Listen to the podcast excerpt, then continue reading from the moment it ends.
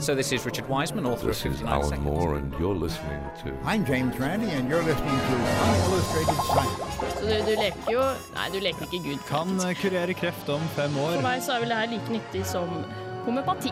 Altså, jeg kan ikke lage en hårete planet. Nei, nei. Uillustrert vitenskap.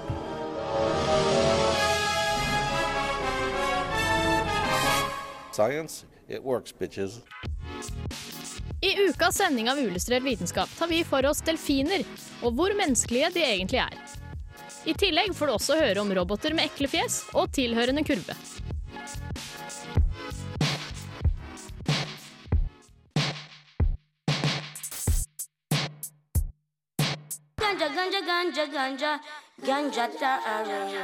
Du hører på Radio Revolt, studentradioen i Trondheim.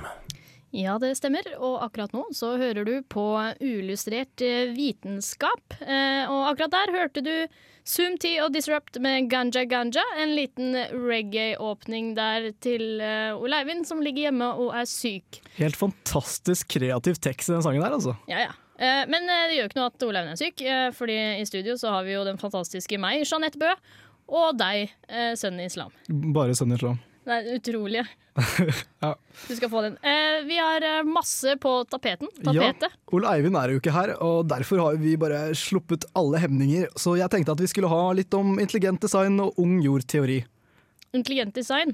Nei, jeg tuller bare. Nei, vi skal ha om delfinselvmord, fordi delfiner er jo utrolig intelligente dyr, og det viser seg nå at de faktisk har selvmord i fangenskap. Selvmord. Det høres eh, fryktelig, fryktelig spennende ut. Vi skal, vi skal selvfølgelig få høre litt om delfiner og deres selvmord. Men aller først så skal vi få høre Doll Drums med I'm Homesick, Sitting Up Here In My Satellite.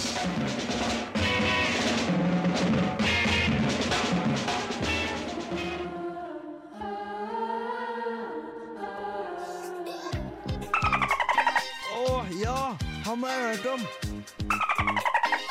Er jo for godt til å være sant. Dette setter jeg pris på, ass. Mm. Ah.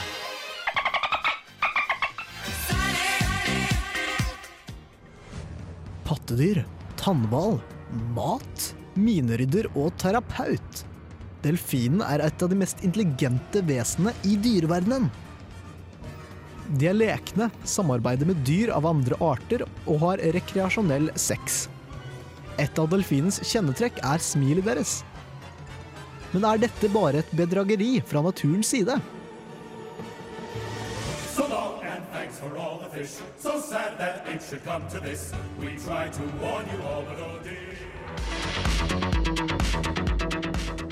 Flipper var en serie som gikk fra 1964 til 1967.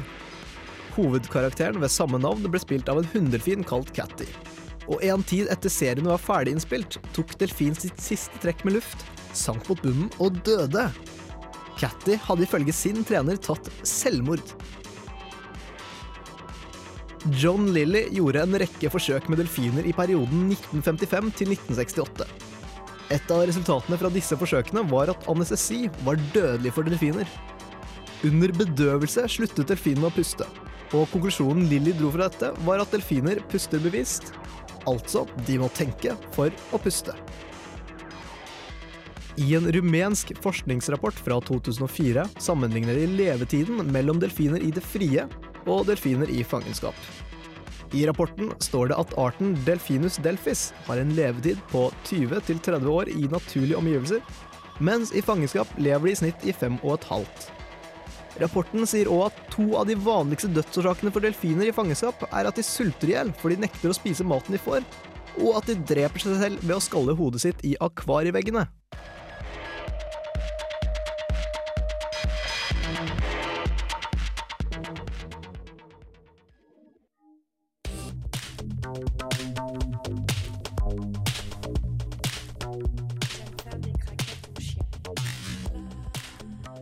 Veterinæren Michael Walsh tilbakeviser at delfiner er i stand til å ta livet sitt.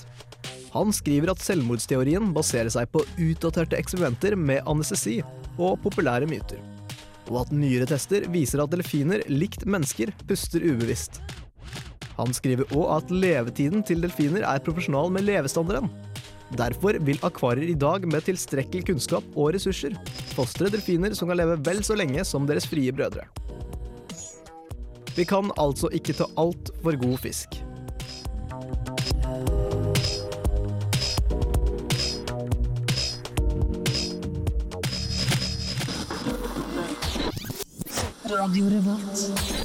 Ja, der hørte du uh, Sunny som fortalte om eh, delfiner. Og jeg må si jeg syns det var en eh, skikkelig munter og hyggelig måte å fortelle om noen som stanger hodet i veggen til de dør på. Jo, tusen takk. tusen takk. veldig, veld, veldig bra. Det er min jobb her. Men eh, slik jeg forstår det, så er det litt sånn uh, blanda følelser og meninger om eh, hvorvidt eh, delfiner tar selvmord eh, eller ikke. Ja, Så da må jeg få ekspertråd av deg. Hva, hva tror du er riktig? ja Maskiningeniøren Sunny Islam uttaler seg nå om eh, delfiner. Men eh, skal vi være helt ærlig, så vet jeg ikke. Det er jo plausibelt, fordi delfiner har faktisk større hjerner enn oss mennesker. Men eh, alt i alt så bør man ikke ha delfiner i fangenskap. Jeg så en sånn video fra et uh, delfinarium. Altså et, Delfinarium, heter det. Uh, ja, altså et akvarium med delfiner.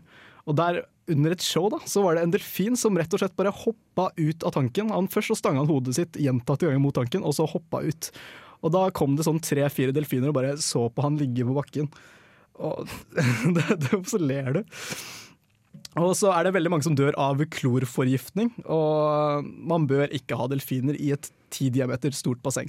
Men det, det er, men det kan ikke hende at de bare er blitt gale. Det er ikke sånn at de er deprimerte og sitter der og faen kutter seg selv og stanger hodet i veien. Det er jo, det er jo Vanskelig å kutte seg selv med finner, faktisk. Men uh, de kan faktisk bli deprimerte. Og det er jo ikke bare for at de er kjempeintelligente, fordi til og med mus kan bli deprimerte. Og man tester jo ut uh, legemidler mot depresjon på mus først. Ja, det, det, det er sant. Men eh, delfiner, jeg har sett eh, masse dokumentarer, eh, flipper og sånn, at delfiner er skikkelig awesome og de, de, de er virkelig nyttige å ha. Men er de det? Er, de, er det godt for noe? Ja, de redder jo faktisk mennesker i noen tilfeller, altså utrente delfiner, fordi de er så greie.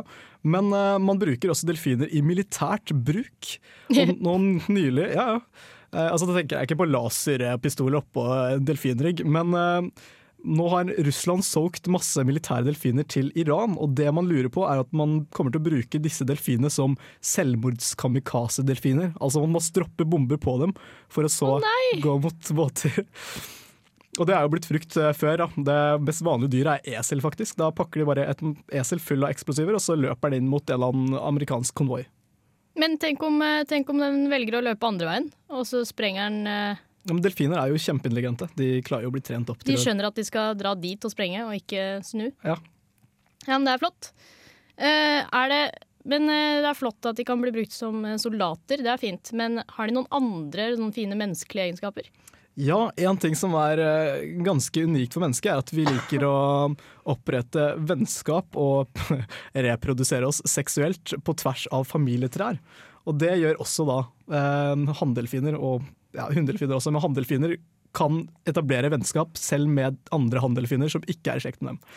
Eh, en annen ting er at det er ingen mannlige delfiner som blir brukt i filmer, fordi de er mer aggressive og er fulle av arr fordi de slåss med andre hanner.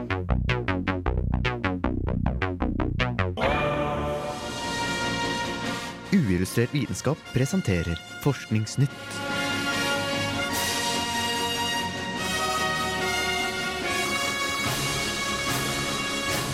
Forskningsnytt. Under sin leting etter liv utenfor jorden har nå forskere fra universitetet i Texas oppdaget en svær sjø av vann rett under iskallet til Jupiters måne Europa. Dette vannet kan være et mulig oppholdssted for utenomjordisk liv, og de antar at det kan være mange flere slike sjøer enn de til nå har oppdaget. Noe som øker livspotensialet enda mer, er at sjøen ser ut til å ha store isflak som kollapser, og dermed overfører næringsstoffer og energi til det store havområdet som allerede er blitt antatt at skal eksistere under det tykke islaget. Forskere har tidligere vært bekymra for at islaget på Europa har vært for tykt, slik at overflaten ikke kommuniserer med det underliggende havet. Men nå har de sett at selv om islaget er tykt, kan vannet mikses og dermed gjøre Europa mer beboelig.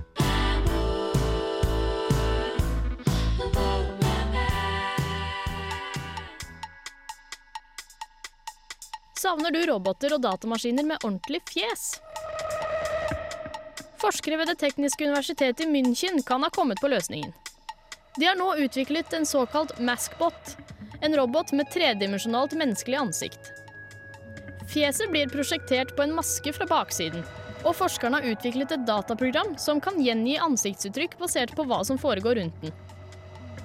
Resultatet er et robotansikt som kan snakke tre språk og kan føre en samtale med to forskjellige følelser trist og glad. Masken kan puttes på hvilken som helst robot, og prosjekteringen virker til og med i et rom som er sterkt opplyst.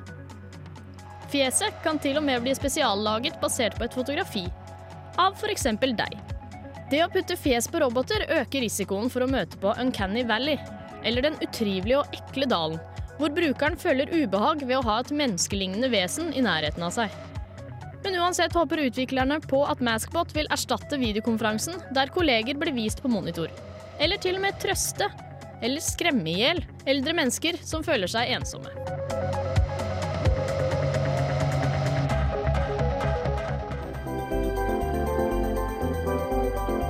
Nytt munnvann utviklet av en mikrobiolog ved UCLA har et lite studie klart å målrettet angripe den skadelige streptococcus mutans-bakterien, som er hovedårsaken til hull og tannråte. Tannråte og hull i tennene er en av de mest vanlige og kostbare sykdommene. Amerikanerne alene bruker ca. 70 milliarder dollar hvert år på disse problemene, og det rammer mesteparten av befolkningen.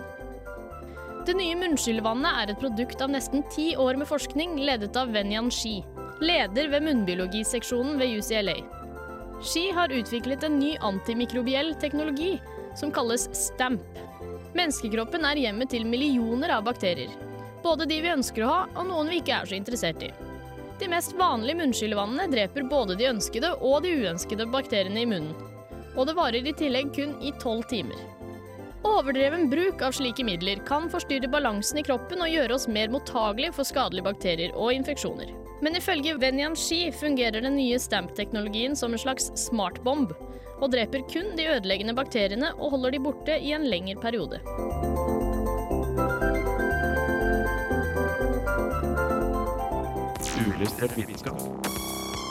Radio Revolt.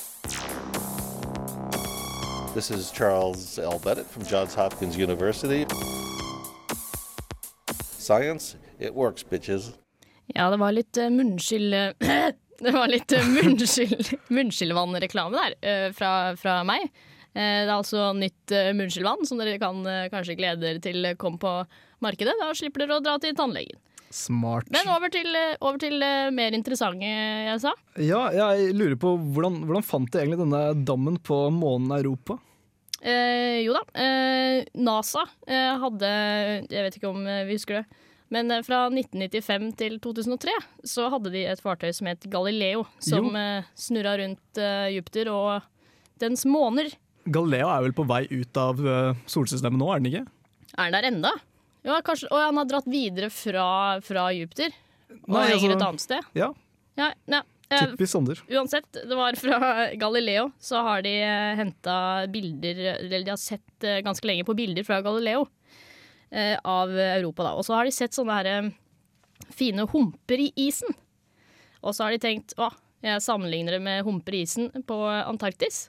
Og så har de da kommet fram til at her må det være en liten dam, eller en sjø, under isen. Hvordan vet de at det er is i det hele tatt? Du kan jo ikke bare gjøre den konklusjonen at oi, her var det hvitt eller blått, så dette her er is. Jeg tror ikke de bare har sett på fargene, Sønni. Eh, Ah. det var det første som kom i hodet. Jeg tror de er ganske sikre på at er, den er dekt med is, men det de har vært bekymra for, da, er at eh, islaget er altfor tjukt til at du kan få noe sirkulasjon av noe som helst.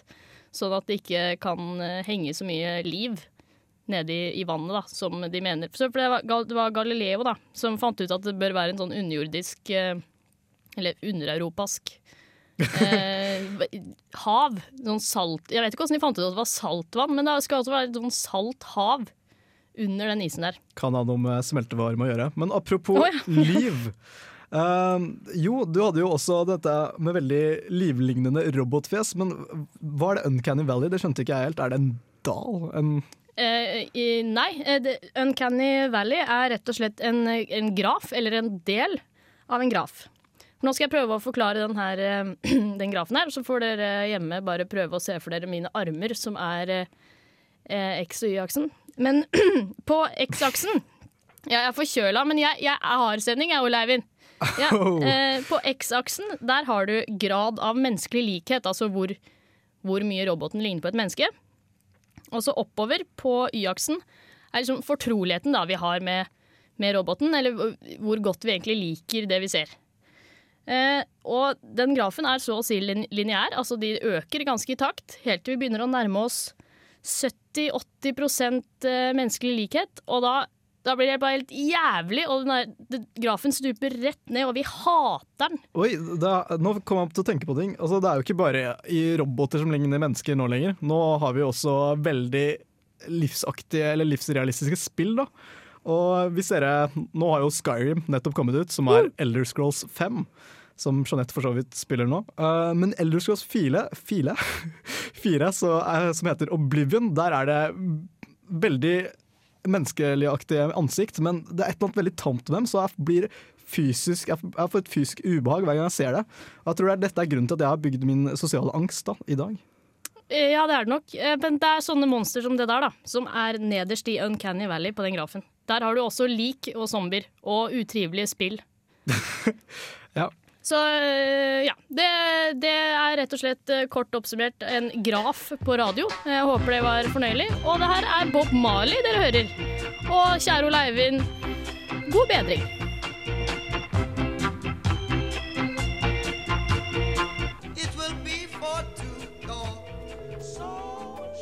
En heis til rommet.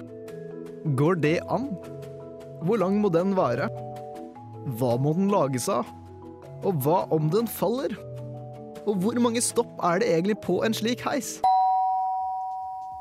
Det er mange spørsmål tilknyttet til en så fantastisk idé som romelevatoren.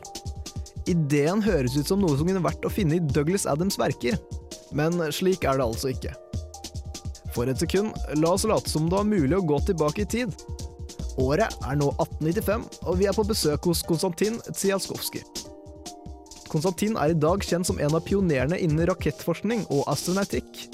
Og mange av hans ideer ble også senere brukt i det sovjetiske romprogrammet med stor suksess. Men etter å ha sett Eiffeltårnet ble Konstantin inspirert, og kom opp med en idé til et eget tårn. Siolskovskij-tårnet. Eiffeltårnet rager i dag 324 meter over bakken. Men dette blir ubetydelig i forhold til romelevatoren.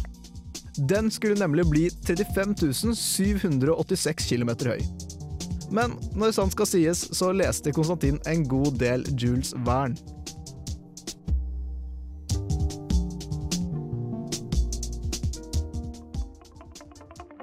Om menneskeheten hadde gått sammen for å bygge en slik konstruksjon, hadde jo det så klart vært en bragd i seg selv. Men bortsett fra å være vanvittig kult, hva kan man egentlig bruke en romelevator til? Å sende ting ut i rommet, det er dyrt, det. En amerikansk Pegasus-rakett kan sende satellitter og andre små duppeditter ut av jordas atmosfære for rundt 40 000 dollar per kilogram. Å sende meg ut i rommet vil med dagens valutakurs koste rundt 14,5 millioner kroner. Og jeg er ingen stor kar. Men med en romelevator ville prisen vært på rundt 220 dollar per kilogram. En romelevator gjør ikke bare romtransporten billigere. Heisen muliggjør også mye større romskip. Romskip som må unnslippe jordas gravitasjonsfelt, kan ikke veie for mye, og de må også formes aerodynamisk grunnet luftmotstand. Med en romelevator kan man bygge romfartøy i nær vektløs tilstand, og man unngår komplikasjonene med en bakkeoppskytning.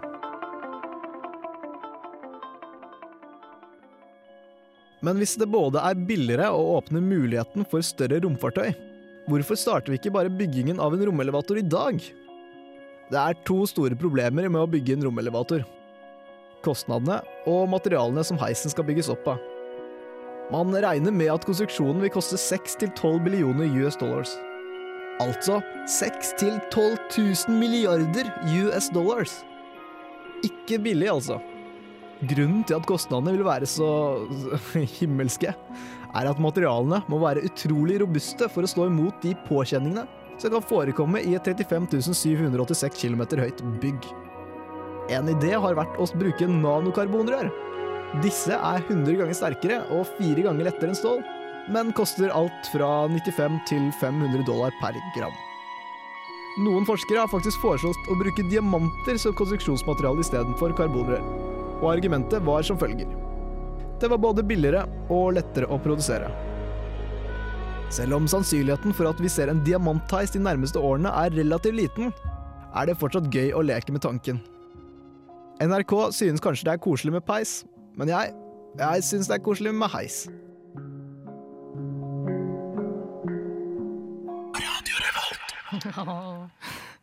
Ja, det var koselig. Eh, la oss si at vi har råd til eh, romheis, eh, og vi setter i gang å bygge. Hva gjør vi? Nei, ok, nå skal du høre. Det du gjør, er at du bare samler en gigantisk spole, rett og slett, med enten nanokarbonrør eller diamantrør, helt avhengig av hva du har råd til. Og så sender du denne spolen opp 36 000 km over bakken, og så slipper du da røret sakte, men sikkert ned til jorda og binder den fast i et anchor point.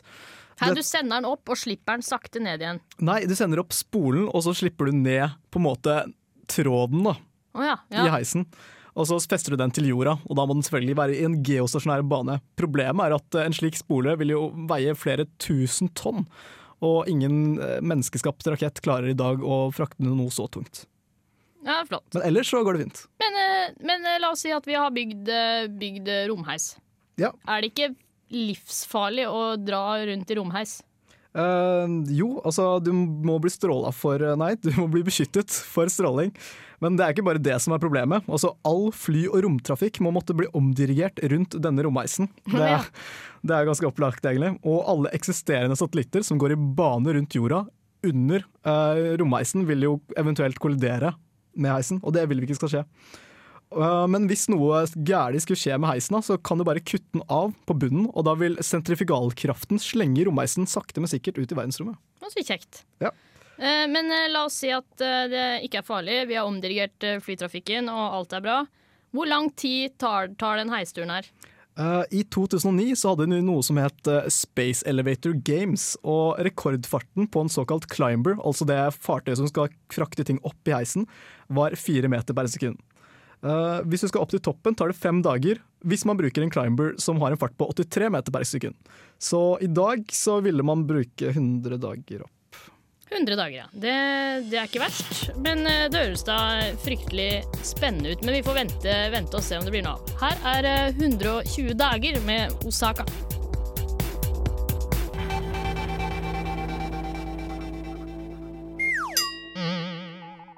Uillustrert vitenskaps-funfact-skole. Vær midtpunktet på neste vorspiel.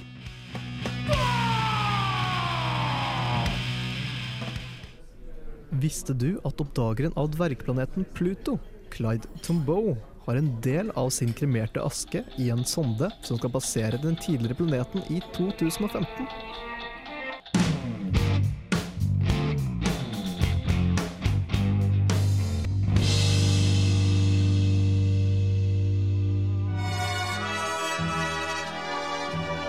Nuclear reactors could provide power almost indefinitely. Greenhouses could maintain plant life. Animals could be bred and slaughtered. Uillustrert vitenskap.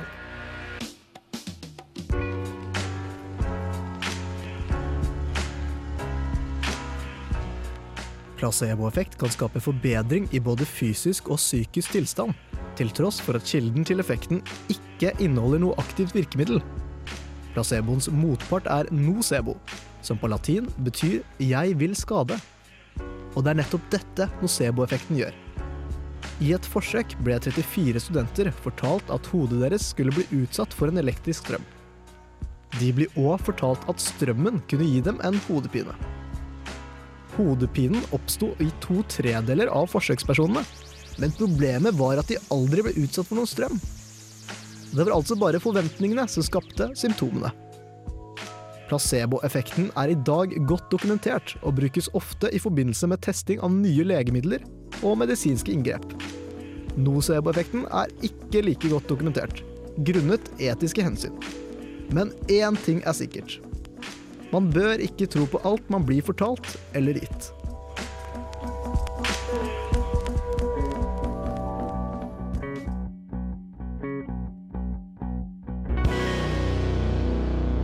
I'm James Randi, and you're listening to Unillustrated Science. Dødsannonsen. Dødsannonsen.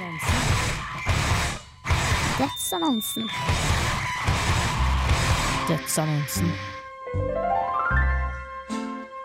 Det har nå gått en uke siden Fobos Grunt ble hengende fast i bane rundt jorden. Og det ser ikke ut til at det er noe ingeniørene på bakken kan gjøre med det. Rundt jorden vil sakte, men sikkert bli mindre, og til slutt, en gang i januar, vil Phobos Grunt mest sannsynlig brenne opp i atmosfæren. Alle de 65 millioner dollarene av den.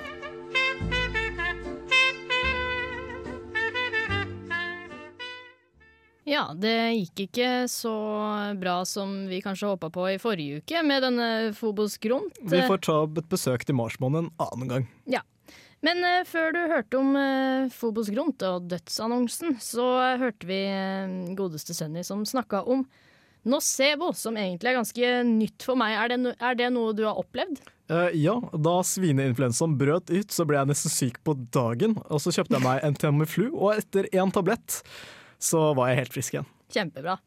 Eh, er det her noe som kan ta livet av folk? Det å Ja. innbille seg til døde? Ja, det er noe som heter voodoo-død, eller bone, bone pointing syndrome. eh, som basically kommer av at heksedoktorer peker ben på mennesker, og det kalles da the curse of death.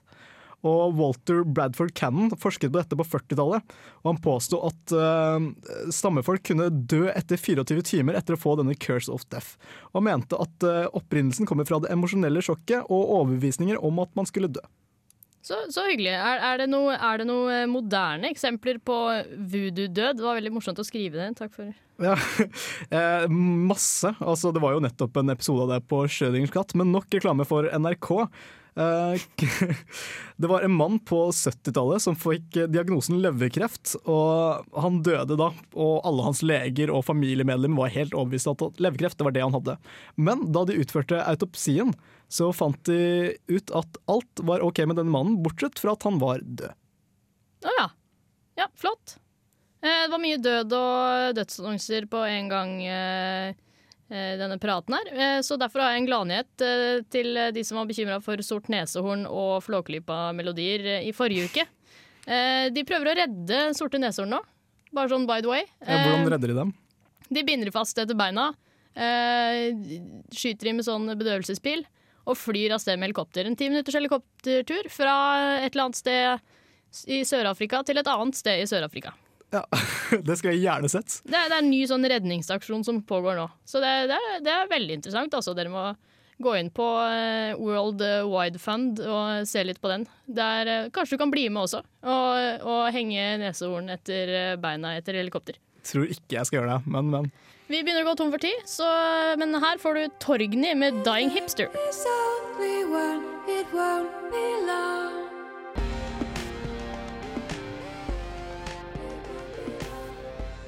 Radio Revolt.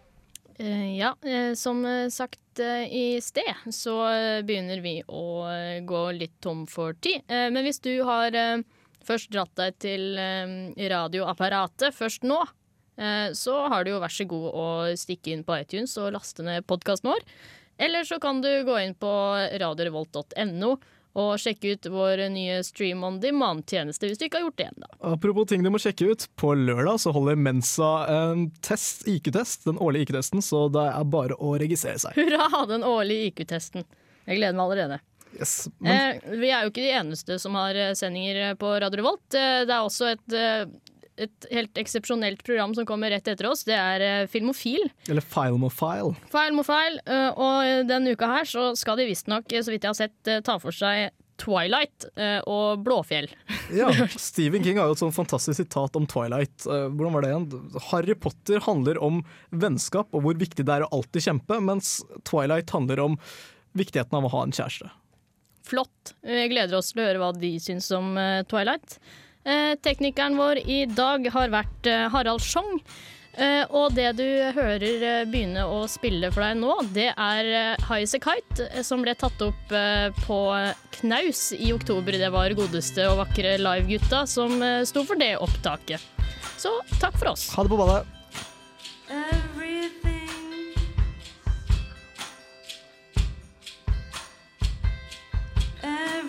everything's